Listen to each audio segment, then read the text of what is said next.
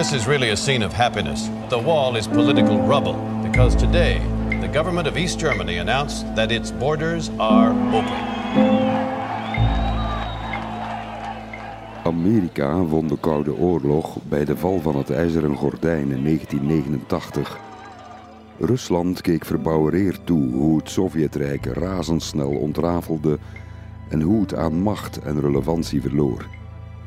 De overgang na de ineenstorting van de USSR was brutaal en vernederend. Het Westen breidde triomfantelijk zijn economische, politieke en militaire tentakels steeds verder oostwaarts uit, tot tegen de grenzen aan van Rusland. Poetin protesteerde, maar het Westen luisterde niet of nauwelijks naar de diepe Russische grieven en frustraties. Zo kwamen we bij de oorlog in Oekraïne terecht. Putin is the aggressor. Putin chose this war. And now he and his country will bear the consequences.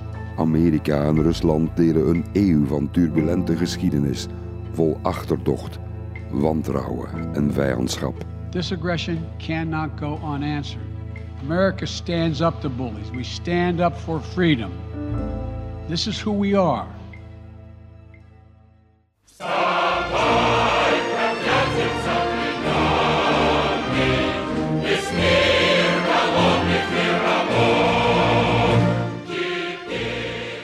De vijandschap begon al in 1917.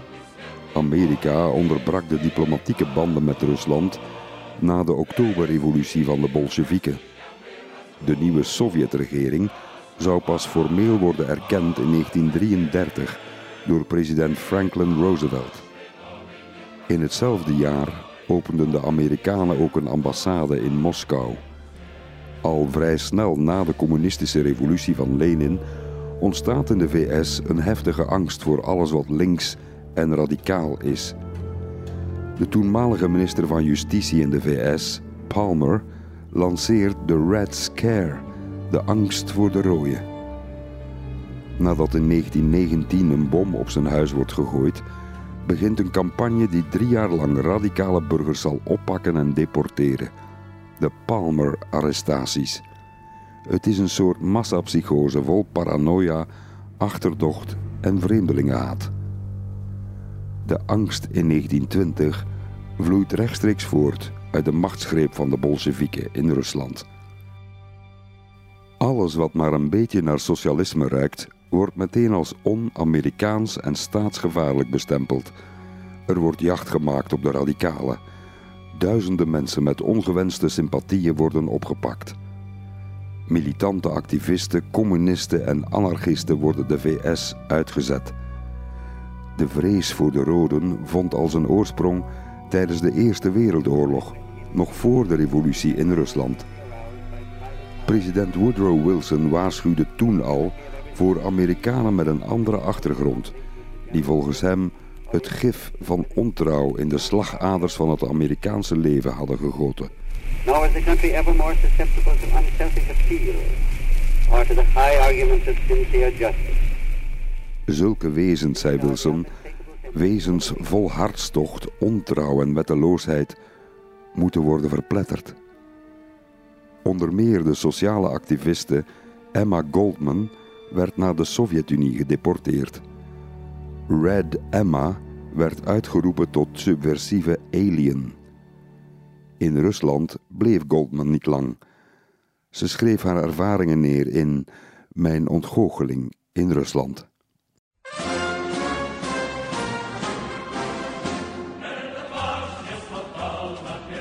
De Russische revolutie gooide nog meer olie op het vuur van de angst voor mensen die de Amerikaanse arbeiders mobiliseerden voor meer rechten.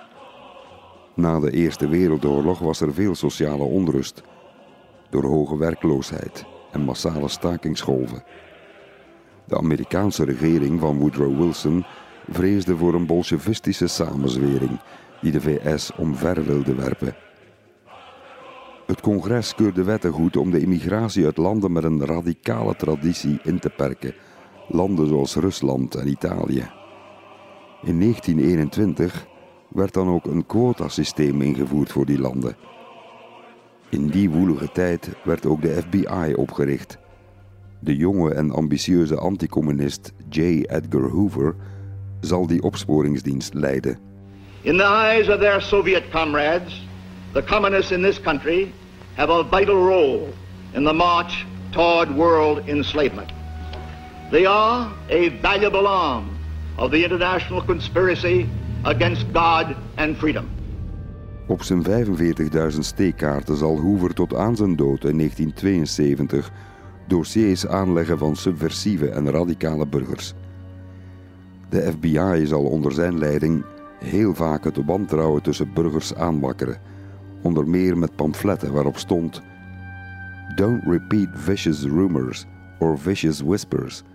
Tell it to the FBI.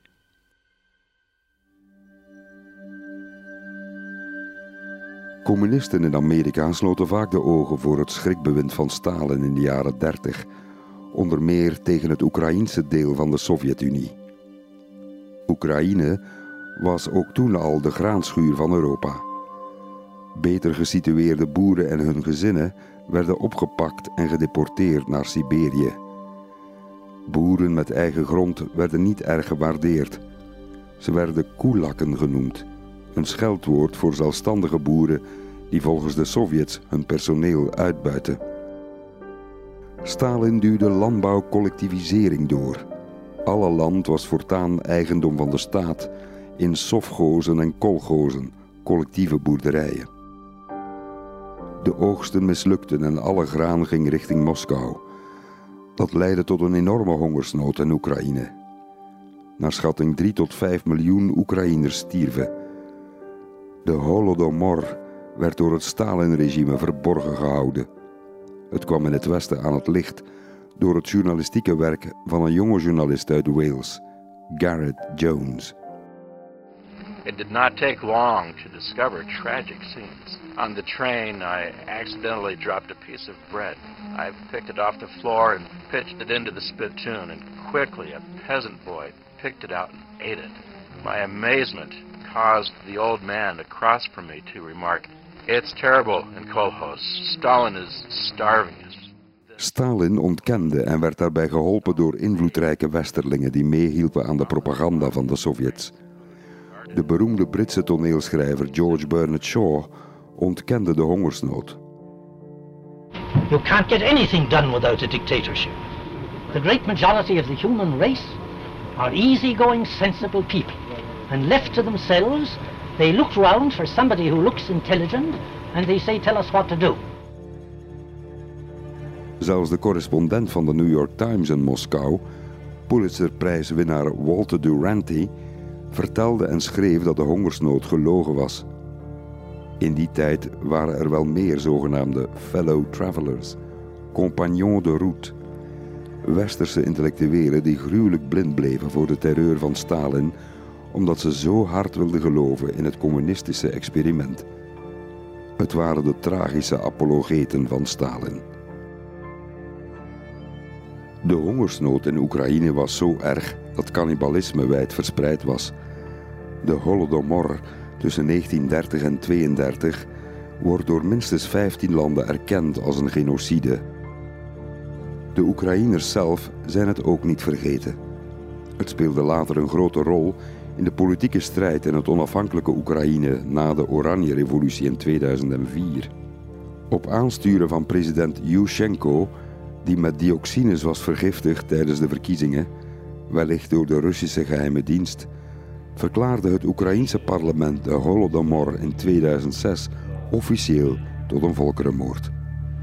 На запитання, що є геноцид, моя відповідь це є справжній геноцид.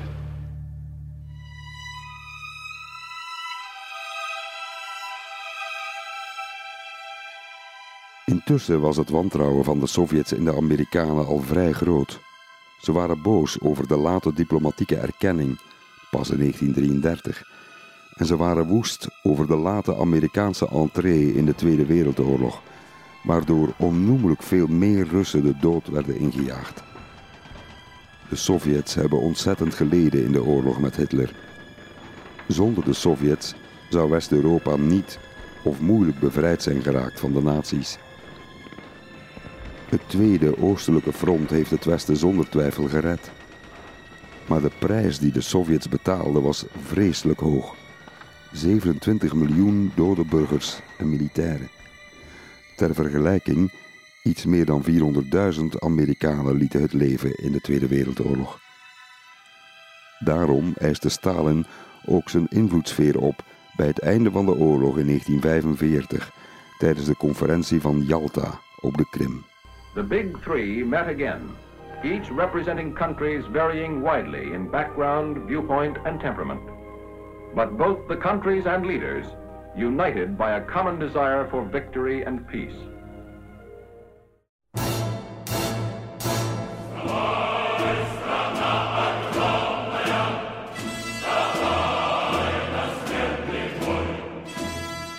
Voor de Sovjets was de oorlog een nationaal trauma.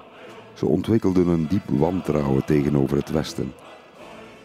Vladimir Poetin was nog niet geboren, hij is van 1952, maar hij hoorde in zijn jeugd de horrorverhalen van zijn ouders over de slag bij Leningrad, nu Sint-Petersburg.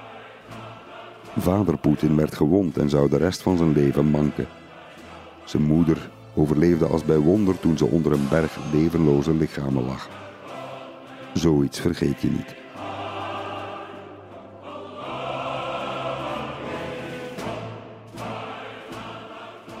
Na de Tweede Wereldoorlog hadden de Sovjets hun dramatische les geleerd. Na de invallen door de Mongolen, de Ottomanen, de Polen, de Fransen onder Napoleon en twee keer de Duitsers vonden ze het meer dan genoeg.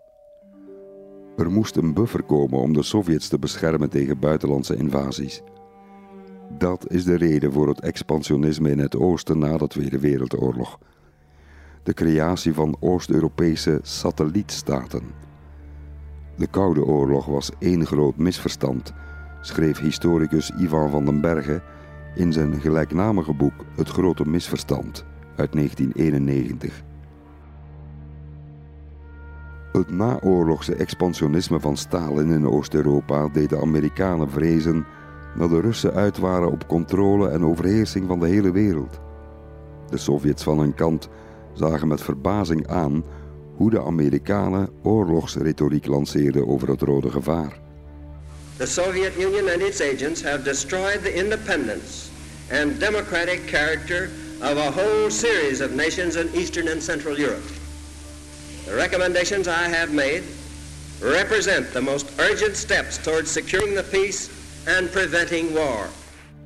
Er ontstond een wapenwetloop en de Sovjets konden met de hulp van overlopers en spionnen, zoals Klaus Fuchs, ook atoomwapens maken.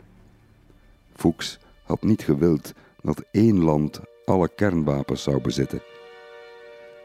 Er ontstond een heftig vijandige sfeer, uitgerekend tussen de twee grootmachten die de nazi's hadden verslagen en elkaar nog vredevol hadden ontmoet op 25 april 1945 in Torgau am Elbe in Duitsland. This is the news for which the whole Allied world has been waiting. East and West have met. Nazi Germany, tottering to her final collapse, has been split clean in half. The forces of liberation have joined hands. De nieuwe president, Harry Truman, had met het droppen van twee atoombommen ook de Sovjets een duidelijk signaal gegeven. Wij zijn de baas. De atoombommen toonden de Russen hoe onmiskenbaar groot de macht van de VS wel was. Truman stuurde zijn doctrine de wereld in. Containment, de politiek van indamming. Het was de diplomaat George Kennan die de indamming bedacht in zijn artikel The Sources of Soviet Conduct. Hij schreef over een neurotisch Russisch wereldbeeld, verhevigd door Oosterse geheimdoenerij en de communistische ideologie. Het werd een heftige strijd tussen het kapitalisme van de VS en het communisme van de USSR.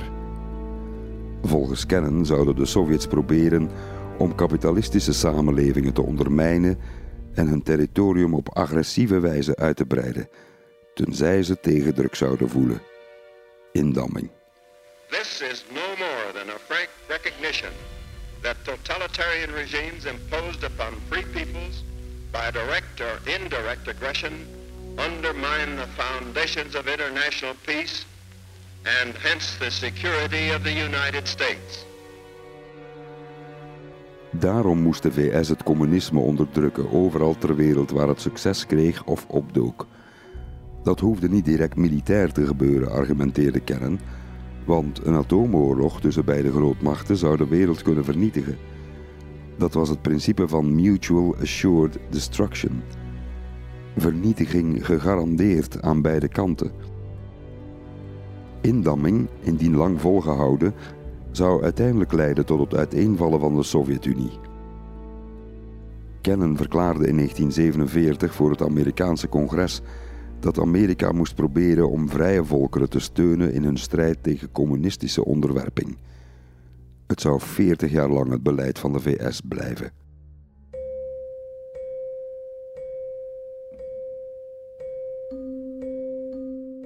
Winston Churchill, ex-premier van Groot-Brittannië, kondigde in 1946 in Fulton, Missouri aan dat de wereld in twee stukken was uiteengevallen. From Stettin in the Baltic to Trieste in the Adriatic, an iron curtain has descended across the continent. Achter het ijzeren gordijn hield zich allerhande onvrijheid schuil, zei hij. This is certainly not the liberated Europe we fought to build up, nor is it one which contains the essentials of permanent peace. De defensieuitgaven schoten de hoogte in. In 1949 deden de Sovjets hun eerste atoomtest.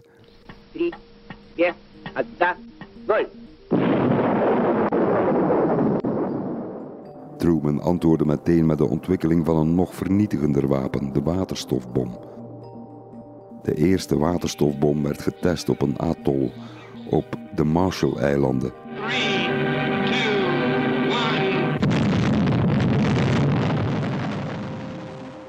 De explosie liet een vuurbol zien van 40 vierkante kilometer groot.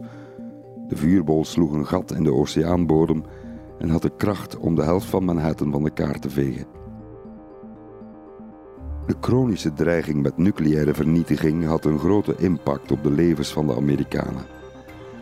Mensen begonnen overal atoomschuilkelders te bouwen in hun tuin.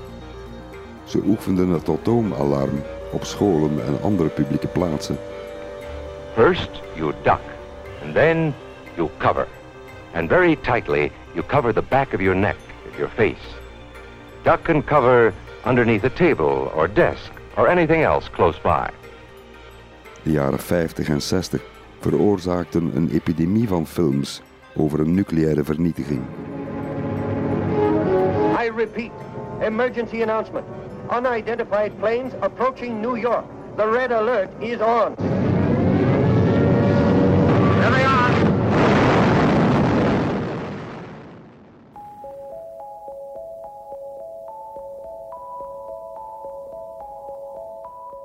De Koude Oorlog stuwde ook de vooruitgang in de wetenschappen. De concurrentiestrijd tussen beide grootmachten leidde tot de ontdekking van de ruimte. Op 4 oktober 1957 lanceerden de Sovjets met een intercontinentale raket de Sputnik, de eerste kunstmatige satelliet die in een baan om de aarde werd gebracht. Well, that sound had never been heard on this earth. It's a report from man's farthest frontier, the radio signal transmitted by the Soviet Sputnik, the first man-made satellite as it passed over New York earlier today. Het was een enorme propagandastunt en triomf voor de USSR. De Amerikanen voelden zich afgetroefd door de Sovjets. The vital question that everybody is thinking about, why and how did the Russians beat us to the draw? Een jaar later schoten de Amerikanen hun eigen satelliet de ruimte in. De Explorer 1 van het Amerikaanse leger onder de leiding van raketwetenschapper Werner von Braun, die ooit nog voor de nazi's had gewerkt. Explorer is in orbit, broadcasting to the world its coded scientific data. Na de wapenwetloop was er nu dus ook een ruimtewetloop. Iedereen in de VS wilde wetenschapper worden, maar de Sovjets bleven de Amerikanen jennen. In 1961 stuurden ze als eerste een man de ruimte in, Yuri Gagarin. Я заря один. Зажигание. Понял, остается зажигание. de Amerikanen stuurden op hun beurt een man de ruimte in, Alan Shepard. President Kennedy kondigde in zijn eerste toespraak als president begin 61 aan dat Amerika voor het einde van het decennium een man naar de maan zou sturen. I believe that this nation should commit itself to achieving the goal before this decade is out of landing a man on the moon and returning him safely to the earth. Zijn voorspelling kwam acht jaar later uit toen Neil Armstrong als eerste mens met de missie van Apollo 11 op 21 juli 1969 voet op de maan zette. One small step for man. One giant leap for mankind. De ruimtewedloop had een winnaar. En het was Amerika.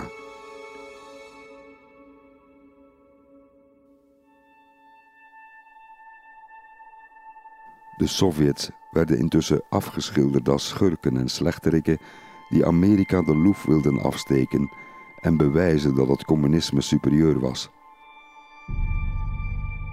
Twintig jaar eerder, in 1947, begon de Koude Oorlog ook door te sijpelen in de levens van de gewone Amerikanen. In het congres ging de HUAC aan het werk, de House Un-American Activities Committee. The question is, have you ever been a member of the Communist Party? I'm framing my answer in the only way in which Er begon een lange reeks hoorzittingen om te bewijzen dat communistische subversie ook binnen de grenzen van de VS springlevend was. What we are here to do is to gather information as we are ordered to, to do by an act of Congress with respect to the general operation of the communist conspiracy, wherever it may lead. Een ware heksenjacht kwam uit de startblokken. In Hollywood werden honderden acteurs, producers, regisseurs en scenaristen verplicht om hun linkse sympathieën af te zweren en tegen elkaar te getuigen. Meer dan 500 mensen verloren hun baan en kwamen op een zwarte lijst terecht en geraakten soms tien jaar lang niet meer aan de bak. Een ervan was Dalton Trumbo, een communistisch scenario-schrijver.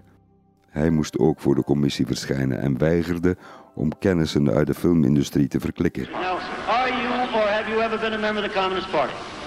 I believe I have the right to be confronted with any evidence which supports this question. I should like to see what you have. Oh, well, you would. Yes. Daardoor belandde hij zelfs in de gevangenis. Freedom of speech.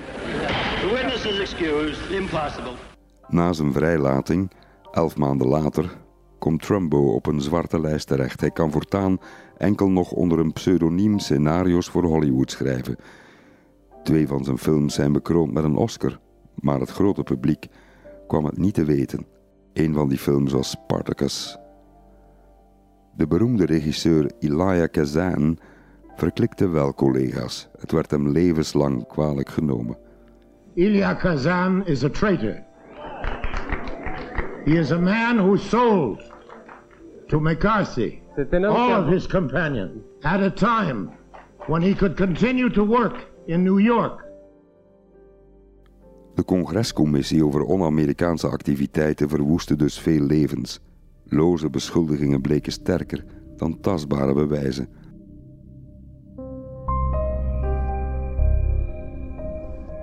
Latere president Nixon praatte Alger Hiss mee aan de galg, die als medewerker op buitenlandse zaken een spion zou zijn geweest voor de Sovjets. Het was 1948. I am holding in my hand a microfilm of very highly confidential secret State Department documents. These documents were fed out of the State Department by communists who were employees of that department. Inschikkelijk zijn voor linkse of communistische tendensen wordt politieke zelfmoord voor Amerikaanse politici. En dat is het eigenlijk nog steeds. Communisten bashen is een recept voor politiek succes. Nixon bouwde er zijn hele loopbaan op. De heksenjacht op communisten wordt een bloeiende industrie. Duizenden ambtenaren worden verdacht gemaakt, ontslagen of gevangen gezet. De anticommunistische hysterie verspreidde zich snel in de jaren 50.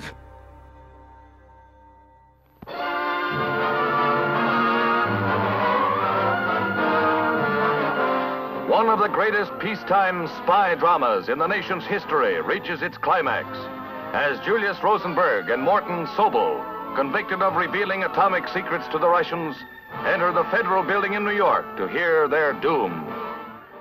Een beroemde zaak is die van het echtpaar Julius en Ethel Rosenberg.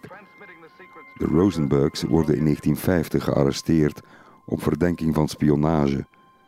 Ze zouden informatie over atoomwapens hebben gekregen van een schoonbroer die betrokken was bij het Manhattan Project, dat de eerste atoombom bouwde. De Rosenbergs krijgen de doodstraf. The electric chair awaited the two convicted spies as the hour of their final reckoning approached. And then it was over. Julius and Ethel Rosenberg had paid their debt to society with their lives. For the first time in its 177-year history, a United States civil court had decreed and followed through on the execution of two native-born Americans on the charge of espionage.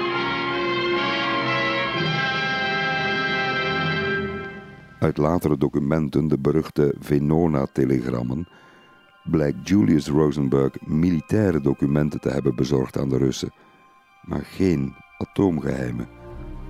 De zaak Rosenberg kenmerkt de hysterie die Amerika die jaren in de greep houdt. Uit de giftige wolk van communistenhaat komt de demagogische senator Joseph McCarthy tevoorschijn.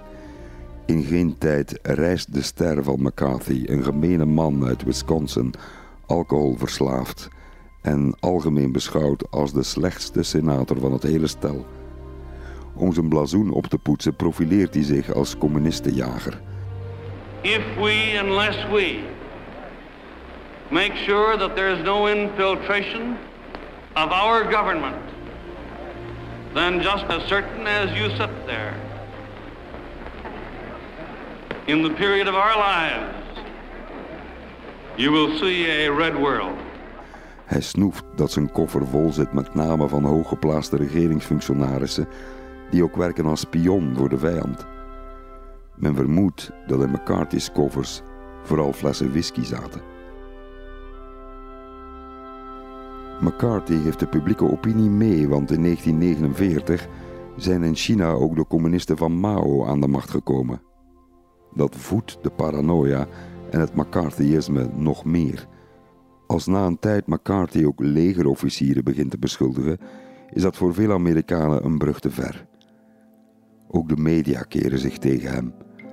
In het programma See It Now, een actua-rubriek en voorloper van het huidige 60 Minutes op CBS, van 9 maart 1954, lanceert de legendarische tv-journalist Edward R. Murrow een aanval op de onethische praktijken van McCarthy, die hij als een charlatan ontmaskert.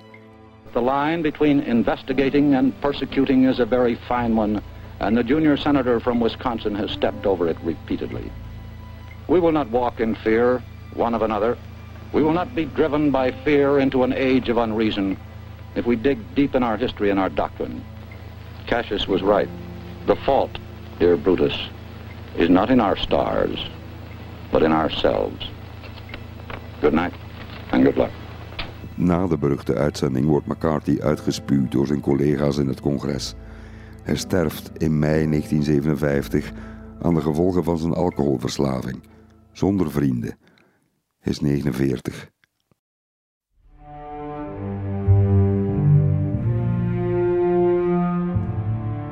Het gevecht tegen subversie in de VS liep parallel met de groeiende zorgen over een Sovjetdreiging wereldwijd. In 1950 brak een conflict uit in de Koude Oorlog toen het door de Sovjets gesteunde regime in Noord-Korea het eerder kapitalistische Zuid-Korea binnenviel. De Amerikanen vreesden dat het de eerste stap was in een campagne van de communisten om de wereld over te nemen. Amerika vond dat het wel moest ingrijpen Trumans indammingspolitiek verplichtte hem om soldaten naar Korea te sturen. In Korea, United Nations troops push on in the cautious advance against the communists. An advance whose purpose, General Ridgway states, is not to seize ground, but to wipe out the enemy. The Chinese Red Army fighting desperately in small isolated stands.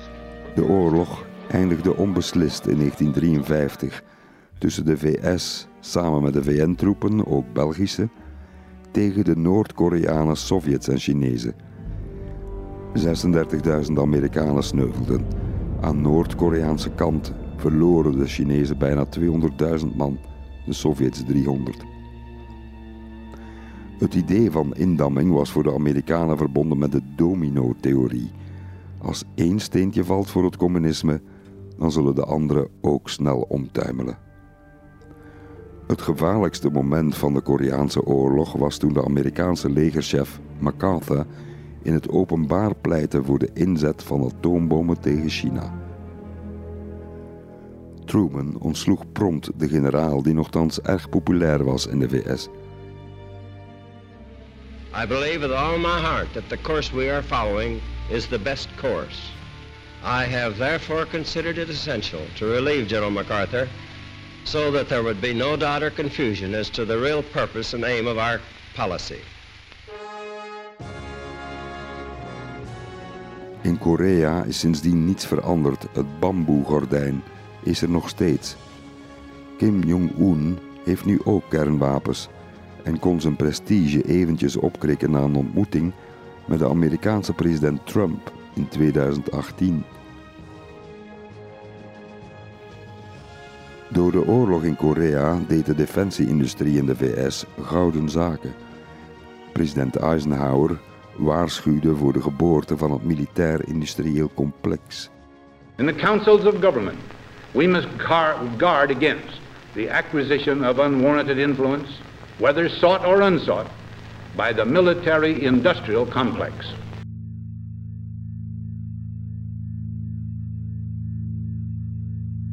De op hol geslagen defensiebegroting ontspoorde nog verder door de wapenwetloop met de Russen.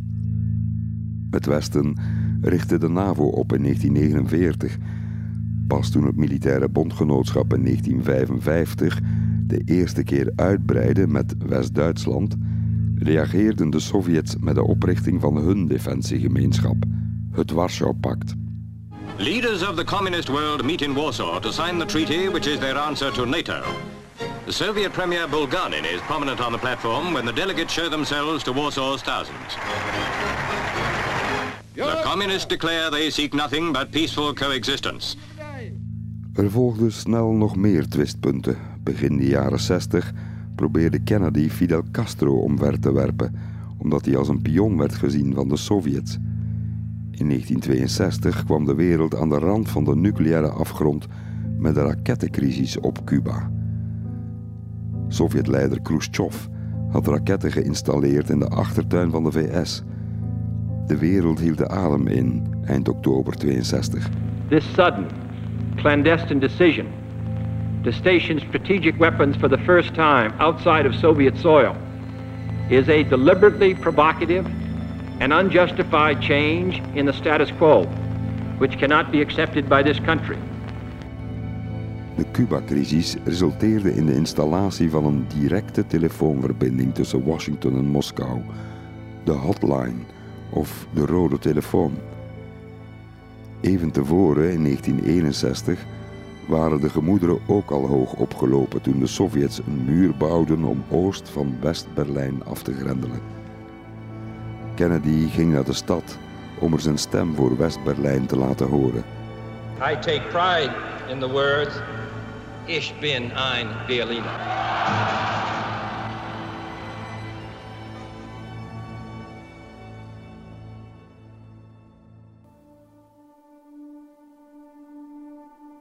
In de schemerzones van de wereld was intussen ook de KGB fel actief bij de Russen en de CIA bij de Amerikanen. Beide geheime diensten maakten zich schuldig aan criminele activiteiten in verre landen om of het communisme of het kapitalisme te verdedigen. De Amerikaanse CIA was betrokken bij het omverwerpen van een democratisch verkozen regering in Guatemala, die van Jacobo Arbenz in 1954. In Indonesië met het verwijderen van Sukarno in 1966. Het uitschakelen van de linkse Patrice Lumumba in Congo in 1961 en van Salvador Allende in Chili in 1973.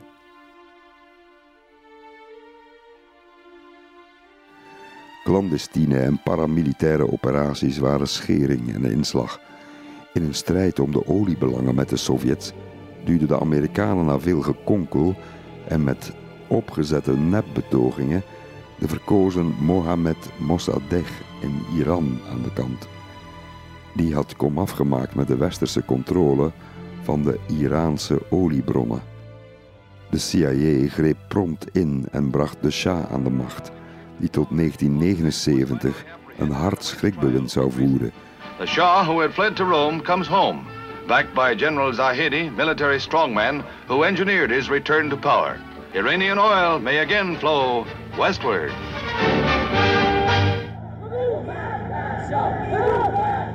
In 1979 verdreef de islamitische revolutie van Ayatollah Khomeini de Shah van de macht. Amerika werd afgestraft door het nieuwe regime met de gijzeling van 52 Amerikaanse personeelsleden in de ambassade in Teheran. Het is het begin van een pijnlijke geschiedenis van islamitisch fundamentalisme, van dan af eigenlijk de nieuwe vijand. Het anti-Amerikaanse gevoel barstte uiteindelijk helemaal uit op 11 september 2001.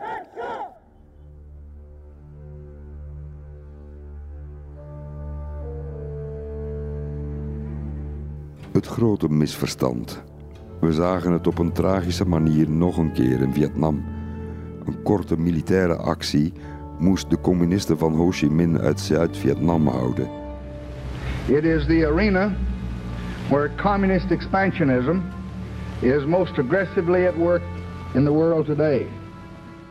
De Amerikanen begrepen niet dat de Vietnamezen niet stierven voor het communisme, maar voor hun eigen zelfbestuur. Vietnam voor de Vietnamezen.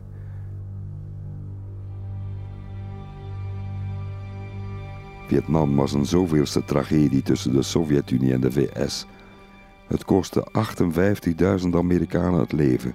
Amerika verloor de oorlog en moest met de staarters de benen na meer dan 11 jaar oorlog afdruipen in 1975. The North Vietnamese army entered Saigon just as they'd planned on May Day. The ambassador went on the final helicopter from the platform above his office. He was the last American to leave Vietnam.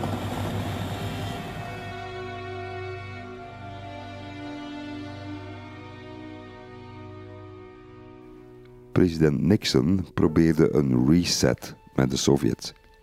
I have requested this television time tonight to announce a major development in our efforts to build a lasting peace in the world. There can be no stable and enduring peace without the participation of the People's Republic of China and its 750 million people. Hij creëerde een wereld met meer dan twee polen. Naast de Sovjets en de Amerikanen verscheen nu ook China op het toneel.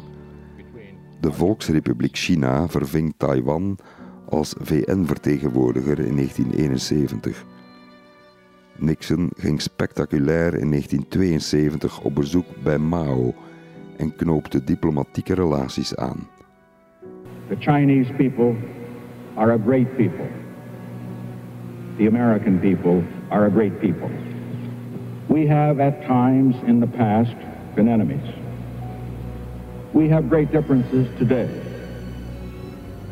What brings us together is that we have common interests which transcend those differences. Alleen Nixon kon zich dat als ex-communistenjager veroorloven. Tegelijk propageerde Nixon détente met de Sovjet-Unie en tekende hij een eerste kernwapenverdrag met de Russen, SALT I, dat de kans op een kernoorlog moest verminderen. Nixon schudde de hand van Sovjetleider Leonid Brezhnev.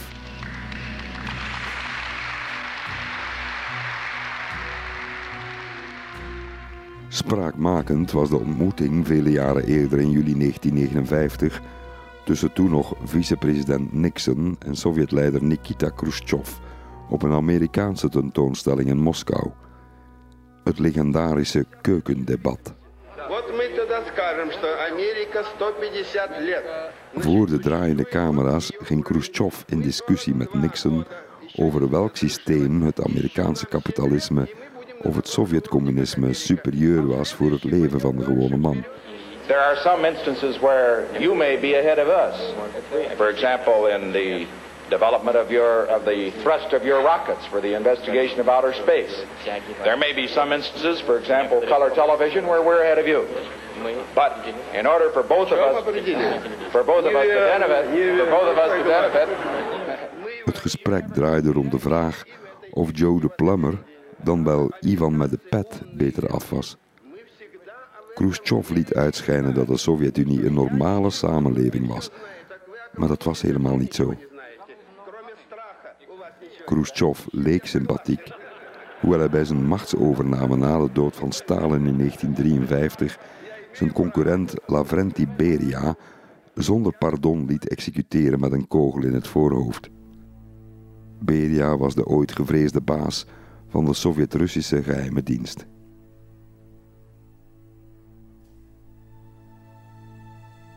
Ondanks de inspanningen van Nixon flakkerde de Koude Oorlog weer op onder Jimmy Carter, die heel fel reageerde toen de Sovjets Afghanistan binnenvielen.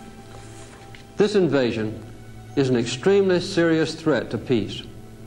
A Soviet occupied Afghanistan threatens both Iran and Pakistan and is a stepping stone to possible control over much of the world's oil supplies. Carter boycotte de Olympische Spelen van 1980 in Moskou als vergelding. Moskou zou op zijn beurt de Spelen in Los Angeles van 1984 dwars zitten. Ronald Reagan was vanaf begin de jaren 80 een nog grotere communistenhater.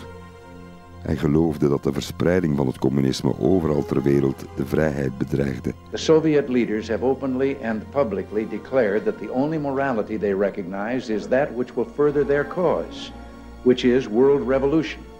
They must be made to understand we will never compromise our principles and standards. We will never give away our freedom.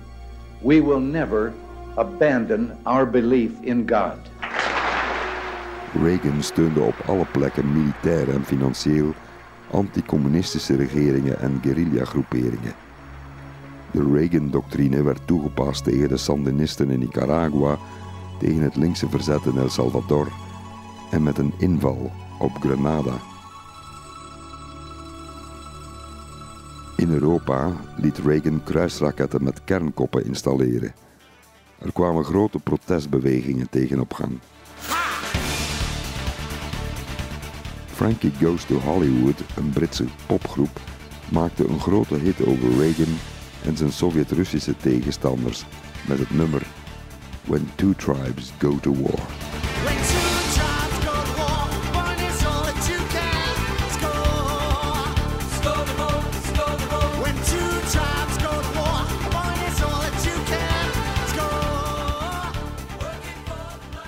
Terwijl Reagan het communisme in Centraal-Amerika bestreed, was de Sovjet-Unie stilaan uit elkaar aan het vallen. De economie sputterde, de politieke onvrede tegen de onvrijheid nam toe en Mikhail Gorbachev tekende met meer openheid, glasnost en structurele hervormingen, perestroika, uiteindelijk het doodvonnis van de Sovjet-Unie. Oost-Europa begon zich los te wrikken. Eerdere pogingen waren mislukt in Hongarije in 1956 en tijdens de Praagse lente in Tsjechoslowakije in 1968. In 1989 dan stortte Oost-Europa helemaal in elkaar. Met hamers en beitels ging men in november 89 de Berlijnse muur te lijf. Mauerspechten werden ze genoemd, muurspechten. Het hele ijzeren gordijn kwam naar beneden gedonderd. Het was een dramatische gebeurtenis. Dames en heren, goedenavond. Wat vannacht gebeurd is, kan het aanschijn van Europa, Oost en West, grondig veranderen. En het heeft alleszins een uitzonderlijke symbolische waarde. Grote groepen Oost-Berlijners zijn ongehinderd naar West-Berlijn gekomen en hebben daar in de schaduw van de muur de nieuwe openheid van de Oost-Duitse overheid gevierd. Twee jaar eerder had Ronald Reagan nog een toespraak gehouden aan de Brandenburgse poort in Berlijn. General Secretary Gorbachev, if you seek peace, if you seek prosperity for the Soviet Union and Eastern Europe, if you seek liberalization, come here to this gate. Mr. Gorbachev, tear down this wall.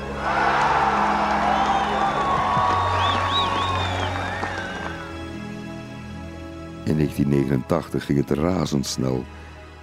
Twee jaar later was de Sovjet-Unie officieel ten graven gedragen. Duitsland was al in oktober 1990 herenigd. De Koude Oorlog was voorbij. Bush en Gorbachev kondigden dat ook officieel aan op een top in Malta op 3 december 1989 op een Russisch passagiersschip, de Maxim Gorky. For 40 years, uh, the Western alliances stood together in the cause of freedom. And now, with reform underway in the Soviet Union, we stand at the threshold of a brand new era of U.S. Soviet relations. Rusland, de opvolger van de Sovjet-Unie, moest met ledenogen aanzien hoe het grote rijk uiteenviel, hoe het aan macht en relevantie verloor.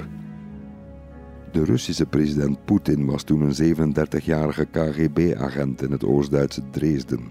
Hij zou de vernederingen nooit vergeten en stelde zich tot doel om de Russische eer en het grondgebied te herstellen.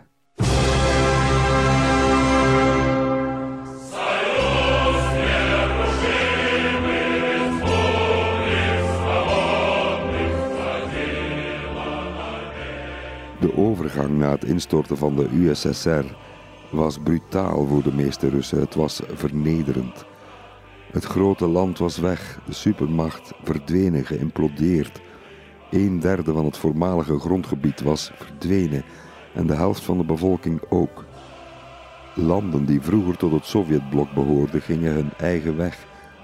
Oekraïne, Wit-Rusland, Moldavië, Kazachstan, Estland, Letland, Litouwen, Kirgizië, Tajikistan, Turkmenistan, Oezbekistan, Armenië, Azerbeidzjan en Georgië.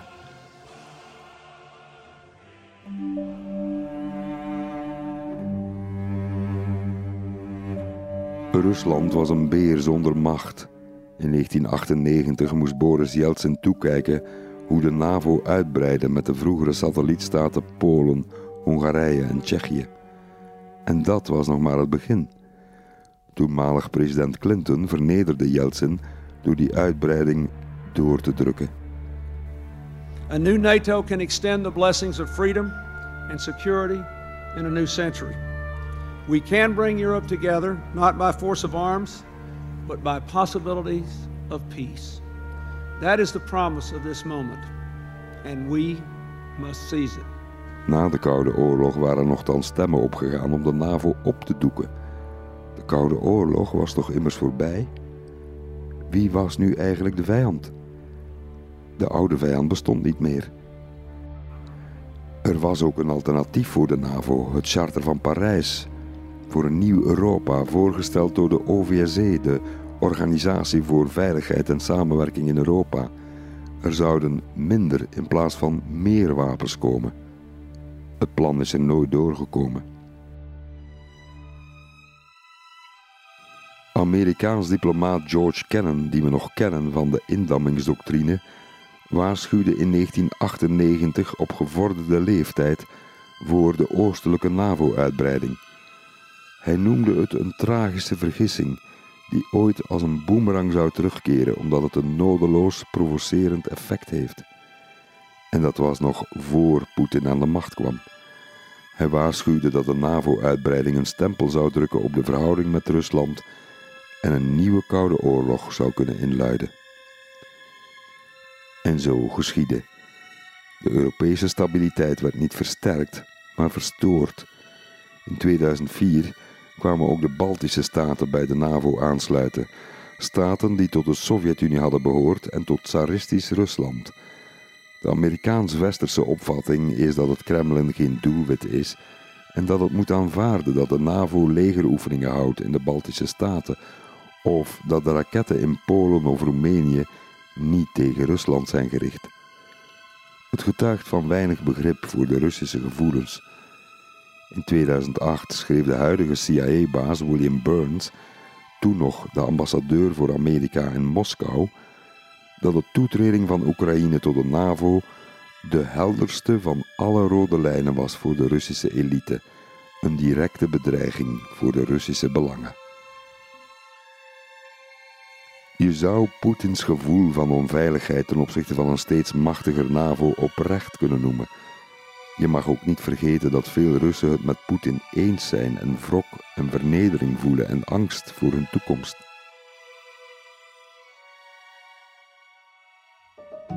Dat wil natuurlijk niet zeggen dat 144 miljoen Russen vinden dat Oekraïne met oorlog weer moet worden ingelijfd of onder de knoet gehouden. Maar het blijft pertinent om ons af te vragen of de uitbreiding van de NAVO naar het oosten niet net de veiligheid van die staten kwetsbaarder heeft gemaakt. Tijdens de Koude Oorlog bestond de perceptie dat het leven heel simpel was. Twee blokken had je: een westers blok met vrijheid, de goede, en het oostblok met onvrijheid, de slechte. Twee strikt gescheiden werelden, goed versus kwaad. De Sovjets werden door Ronald Reagan afgeschilderd als the evil empire, het rijk van het kwaad. Let us be aware that while they preach the supremacy of the state, they are the focus of evil in the modern world. Dat er een Oostblok bestond, had echter een milderend effect op het kapitalisme in het Westen.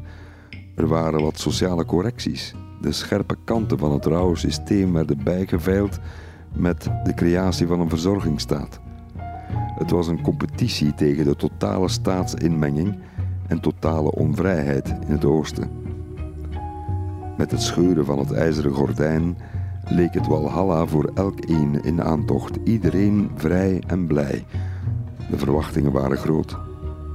Ik herinner het mij nog levendig, ik studeerde net af. Iedereen was hoopvol over de toekomst, iedereen zou vrij worden en welvarend. Met het einde van de Koude Oorlog leek het einde van de geschiedenis aangebroken, zei de Amerikaanse historicus Francis Fukuyama. liberal democracy turned out to be much, much stronger than anyone anticipated. And in fact, now there, there, are about 60 democracies worldwide. It's about 40% of the world's population, and it's been growing steadily. Uh, liberal democracy has many strengths uh, uh, of its own. I mean, in the first place, market economics, you know, provides a level of pros prosperity for people that's really, you know, unrivaled in human history, and that's, you know, one obvious appeal of it. Maar toen kwam snel de onzekerheid van de multipolaire wereld. De globalisering richtte ravage aan in het Westen toen de fabrieken verhuisden naar goedkopere landen. En in het oosten hakten de liberale hervormingen en de omslag naar het kapitalisme er stevig in. De armoede nam toe en de grote verwachtingen in het ooit onvrije deel van de wereld sloegen om in een angst voor de toekomst. Many Russians associate democracy and Yeltsin's reforms with the fact that their lives have grown so much worse since the end of the Soviet Union. In Russia, the average pension is worth around $20 per month, hardly enough to live on. For the older generation, democracy has meant an end to the free apartments, the subsidized food, and guaranteed jobs that existed under communism. Ook in het Westen nam het vooruitgangsgeloof een flinke duik.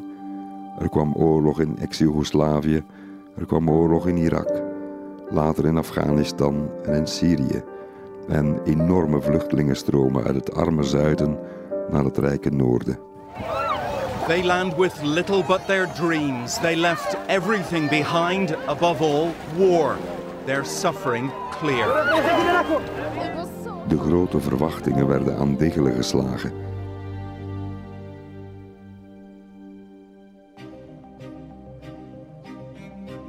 Jarenlang onderdrukte nationalistische gevoelens in het Oostblok ontsnapten als een kwade geest uit de fles.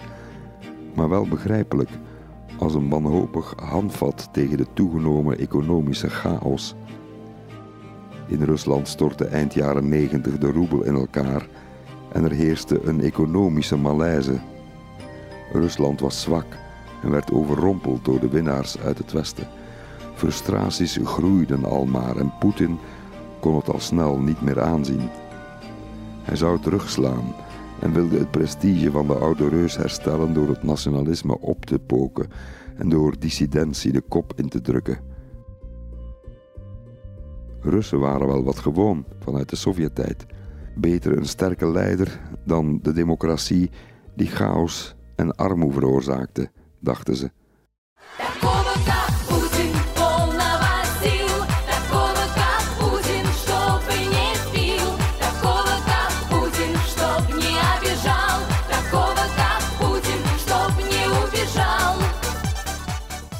Geordende Europese wereld van vrede en eerlijke welvaart kantelde. We zagen voor onze ogen de geleidelijke onttakeling van de idealen van de verlichting, van de rechten van de mens, van vrijheid, gelijkheid en broederschap. Ook de internationale broederschap taande. We dachten dat de westelijke vrijheid en de democratie overal zouden worden omarmd. Het ging eerder de andere kant op. Het begon grandioos in 1989, zou Geert Max schrijven in Grote Verwachtingen. Het werd een desillusie.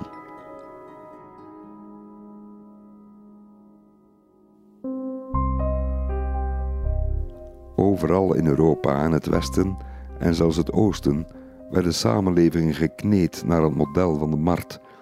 Alles en iedereen werd geëconomiseerd. Alles en iedereen werd een consument. Groeinormen en winst werden stukken belangrijker dan gerechtigheid. Ook de sociale zekerheid raakte uitgehold. Samenlevingen voelden zich verweest. Dat besef dat het Westen op zijn retour was, gebruikte Poetin om nog meer chaos en onzekerheid te veroorzaken, door zelf onrust te zaaien in het Westen. Via een informatie- en propagandaoorlog bemoeide hij zich met verkiezingen. Hij manipuleerde de harten en de hoofden in het Westen. New concerns that Vladimir Putin's notorious hacking teams could be trying to influence another election, targeting a key U.S. ally. French officials are worried that Putin's hackers will fish for damaging information, using similar tactics to how they target. Niemand besefte dat de hele orde die was opgebouwd na 1945 kwetsbaar en eigenlijk uitzonderlijk was. De Oostbloklanden waren zonder overgang in een westers keurslijf geperst, als in een soort shocktherapie, met een stortvloed aan privatiseringen en liberaliseringen. Iemand zei: Vroeger hadden we geld genoeg, maar konden we niets kopen. Nu kunnen we alles kopen, maar we hebben geen geld meer. De overgang naar westerse moderniteit was geen eclatant succes. De ontworteling in de hoofden nam toe. De ongelijkheid tussen burgers groeide snel, het aantal superrijken ook en daarmee hun politieke invloed. In Rusland ontstond zelfs een maffia-economie, waarbij Poetin de staatsrijkdom, die na 89 voor een appel en een ei was verkocht, in de handen duwde van een klasse oligarchen. Poetin roomde daarbij graag een stuk van de hen toegestane rijkdom af.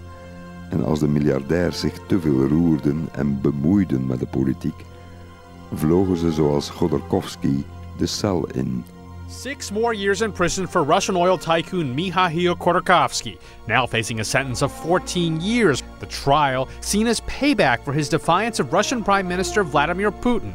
Khodorkovsky challenging Putin during his time in office. Met politiek mochten de oligarchen zich dus niet bezighouden.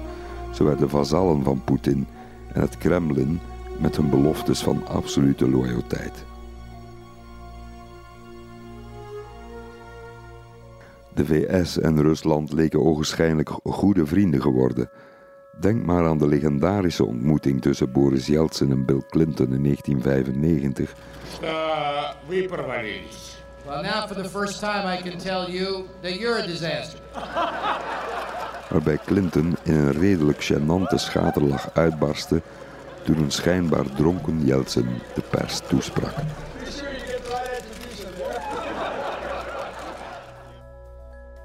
Intussen leidde het gebrekkige geloof in de toekomst tot samenlevingen die weer traditioneler, conservatiever en angstiger werden.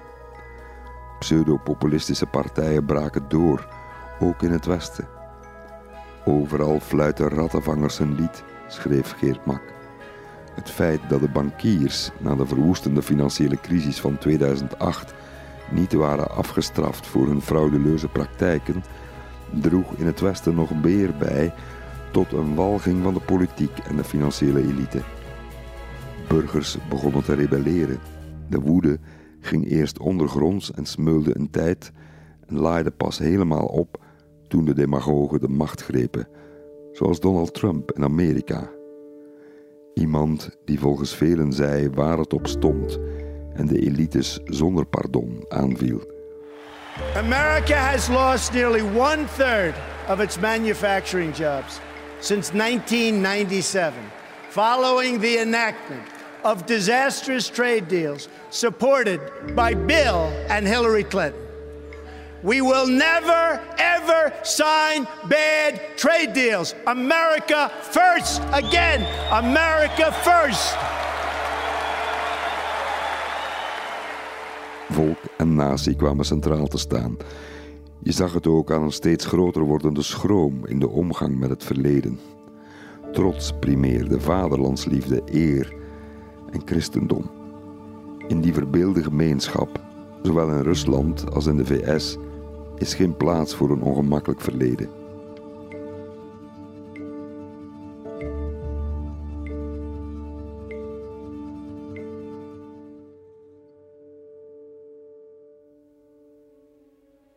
De ineenstorting van de Sovjet-Unie in 1991 en de leegte die daardoor achterbleef, was voor de Russen een bron van schaamte en vernedering. Poetin noemde het zelf de grootste geopolitieke ramp uit de geschiedenis.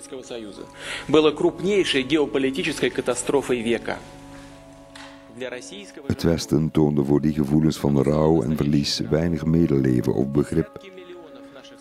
Uit documenten van 1990 bleek dat toenmalig Amerikaans buitenlandminister James Baker suggereerde dat de NAVO niet naar het oosten zou worden uitgebreid. Not an inch eastwards. Die vage belofte werd echter nergens vastgelegd. Gorbachev had zelfs nog het liefste gehad dat Rusland zelf lid van de NAVO was geworden.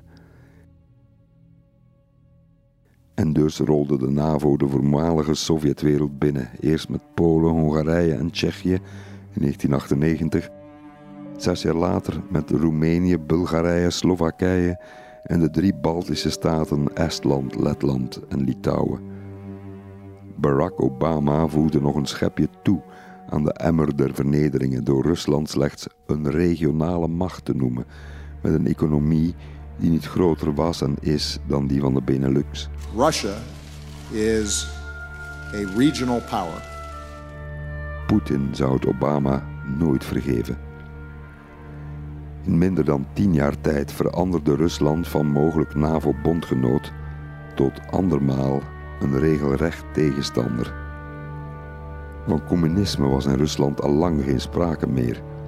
Rusland was intussen een heel rechtsland geworden met fascistoïde trekken, een onaantastbare leider en onvrije media.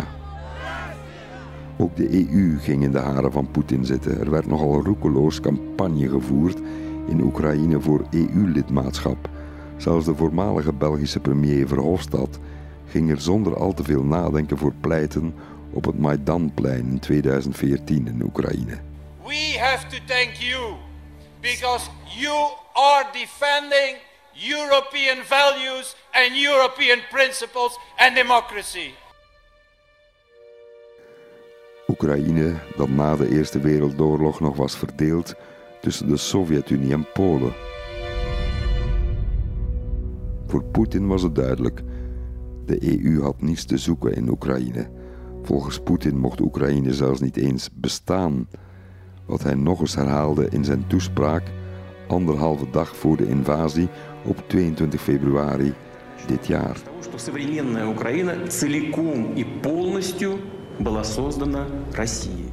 De rode alarmlichten over Oekraïne waren dus al heel lang aan het knipperen.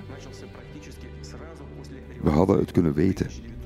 Met Georgië bijvoorbeeld, dat in 2008 lonkte naar NAVO en EU-lidmaatschap. Rusland greep in toen Georgië zijn opstandige provincie Zuid-Ossetië binnenviel. Poetins populariteit steeg heel hard toen hij het orkest van topdirigent Valery Gergiev overvloog naar de Zuid-Ossetische hoofdstad Chinvali om er de Leningrad-symfonie van Dmitri Shostakovich op het stadsplein te spelen. Het werd live in heel Rusland uitgezonden in augustus 2008.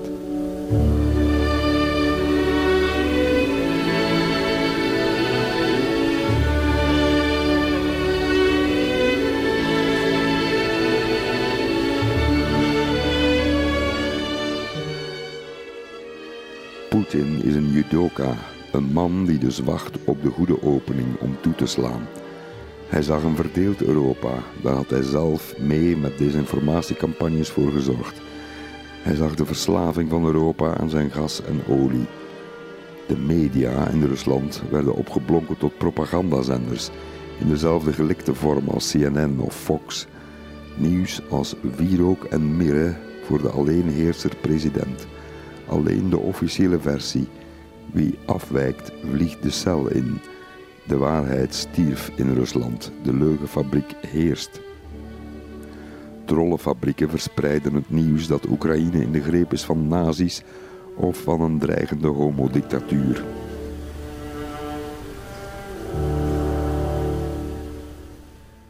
The 22nd Olympic Winter Games in 2014 are awarded to the city of Sochi. Poetin mocht scoren van de wereld. Hij mocht de Olympische Winterspelen houden in Sochi, waar Russische atleten geregeld wonnen met de hulp van een intensief dopingprogramma, gesponsord door de geheime dienst FSB. 2018 FIFA World Cup, ladies and gentlemen, will be organized in Russia.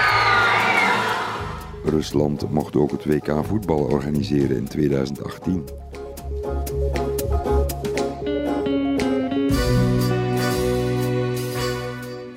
En in Amerika won Donald Trump. Iets wat Poetin kennelijk graag wilde, bleek uit de rapporten van de Amerikaanse inlichtingendiensten. Trump geloofde het niet en gaf Poetin voor de hele wereld gelijk toen hij alles ontkende op een top in juli 2018 in Helsinki. President Putin, uh, he just said it's not Russia. I will say this I don't see any reason why it would be. President Putin was extremely strong and powerful in his denial today. Het was Trumps eerste campagnemanager, Paul Manafort, die de Russisch gezinde Viktor Yanukovych in 2010 weer in het zadel had geholpen in Oekraïne.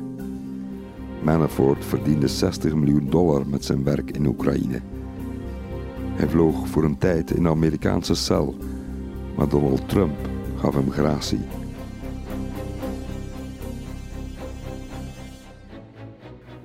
Met Joe Biden kon Poetin dat spel niet spelen, al onderschatte Poetin Joe Biden na die smadelijk verknoeide aftocht in Afghanistan in de zomer van 2021. Biden voorspelde van meet af aan de invasie in Oekraïne. We have reason to believe the Russian forces are planning to uh, and intend to attack Ukraine in the coming week, in the coming days. We believe that they will target Ukraine's capital, Kiev, a city of 2.8 million innocent people.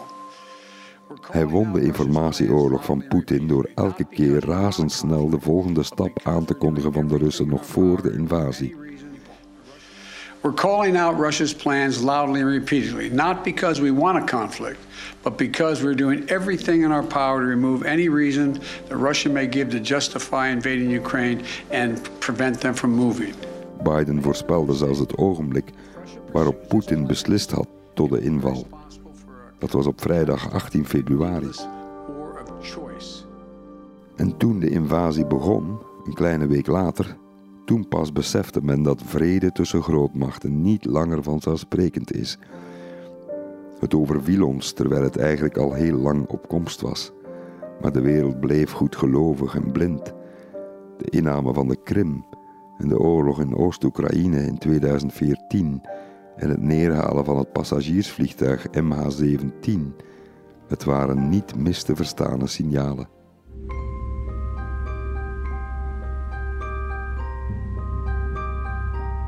Is de multipolaire wereld wel opgewassen tegen deze zogezegd onverwacht internationale aardverschuiving? De invasie legt alle zwakheden bloot. De verwevenheid van de globalisering, Eén onderbreking in de internationale aanvoer van onderdelen kan de economie doen stokken en de inflatie en energieprijzen fors opdrijven. Het Westen heeft geen eigen fabrieken meer om de basisproducten te produceren. Europa is verslaafd aan Russisch gas. En zo zijn we terug bij af. Meer dan een eeuw na 1917 is ook de angst voor een atoomaanval van de Russen terug. De Russen komen. Ze zijn gekomen. Dit keer is het allicht geen groot misverstand, helaas. Misschien is het eindspel wel een misverstand. Poetin is heus niet uit op wereldheerschappij. Het Westen huilt, maar steekt om allerhande redenen geen vinger uit om mee te vechten. Grootse verwachtingen heeft het Westen opgeroepen in Oekraïne, maar ze zijn nooit waargemaakt. En zo zijn we beland in een padstelling, een levensgevaarlijke toestand waarbij twee grote kernmachten nagenoeg rechtstreeks tegenover elkaar komen. Laten we nooit vergeten waarom oorlog wordt gevoerd. Angst, eigenbelang en eer. Een les die al te vaak wordt vergeten.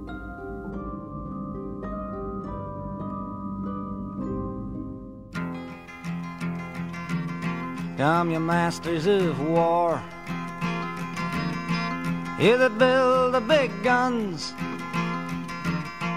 You that build the death planes. You that build all the bombs. You that hide behind walls. That hide behind discs. I just don't want you to know I can see through your masks. You that never done nothing but build to destroy. You play with my world like it's your little toy. You put a gun in my hand and you hide from my eyes. And you turn and run farther when the fast bullets fly. Like Judas of old, you lie and deceive. A world war can be won. You want me to believe but I see through your eyes, and I see through your brain, like I see through the water that runs down my drain.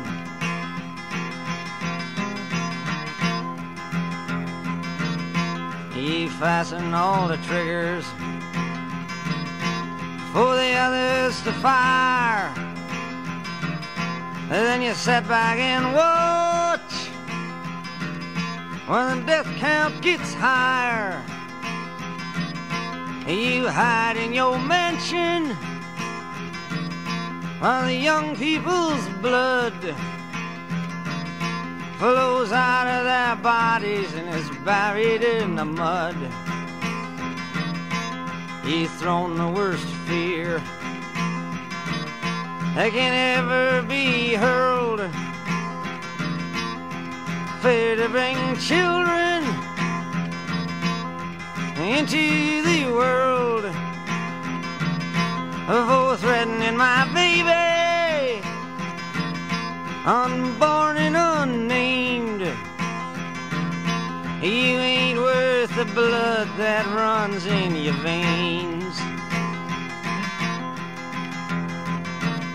How much do I know?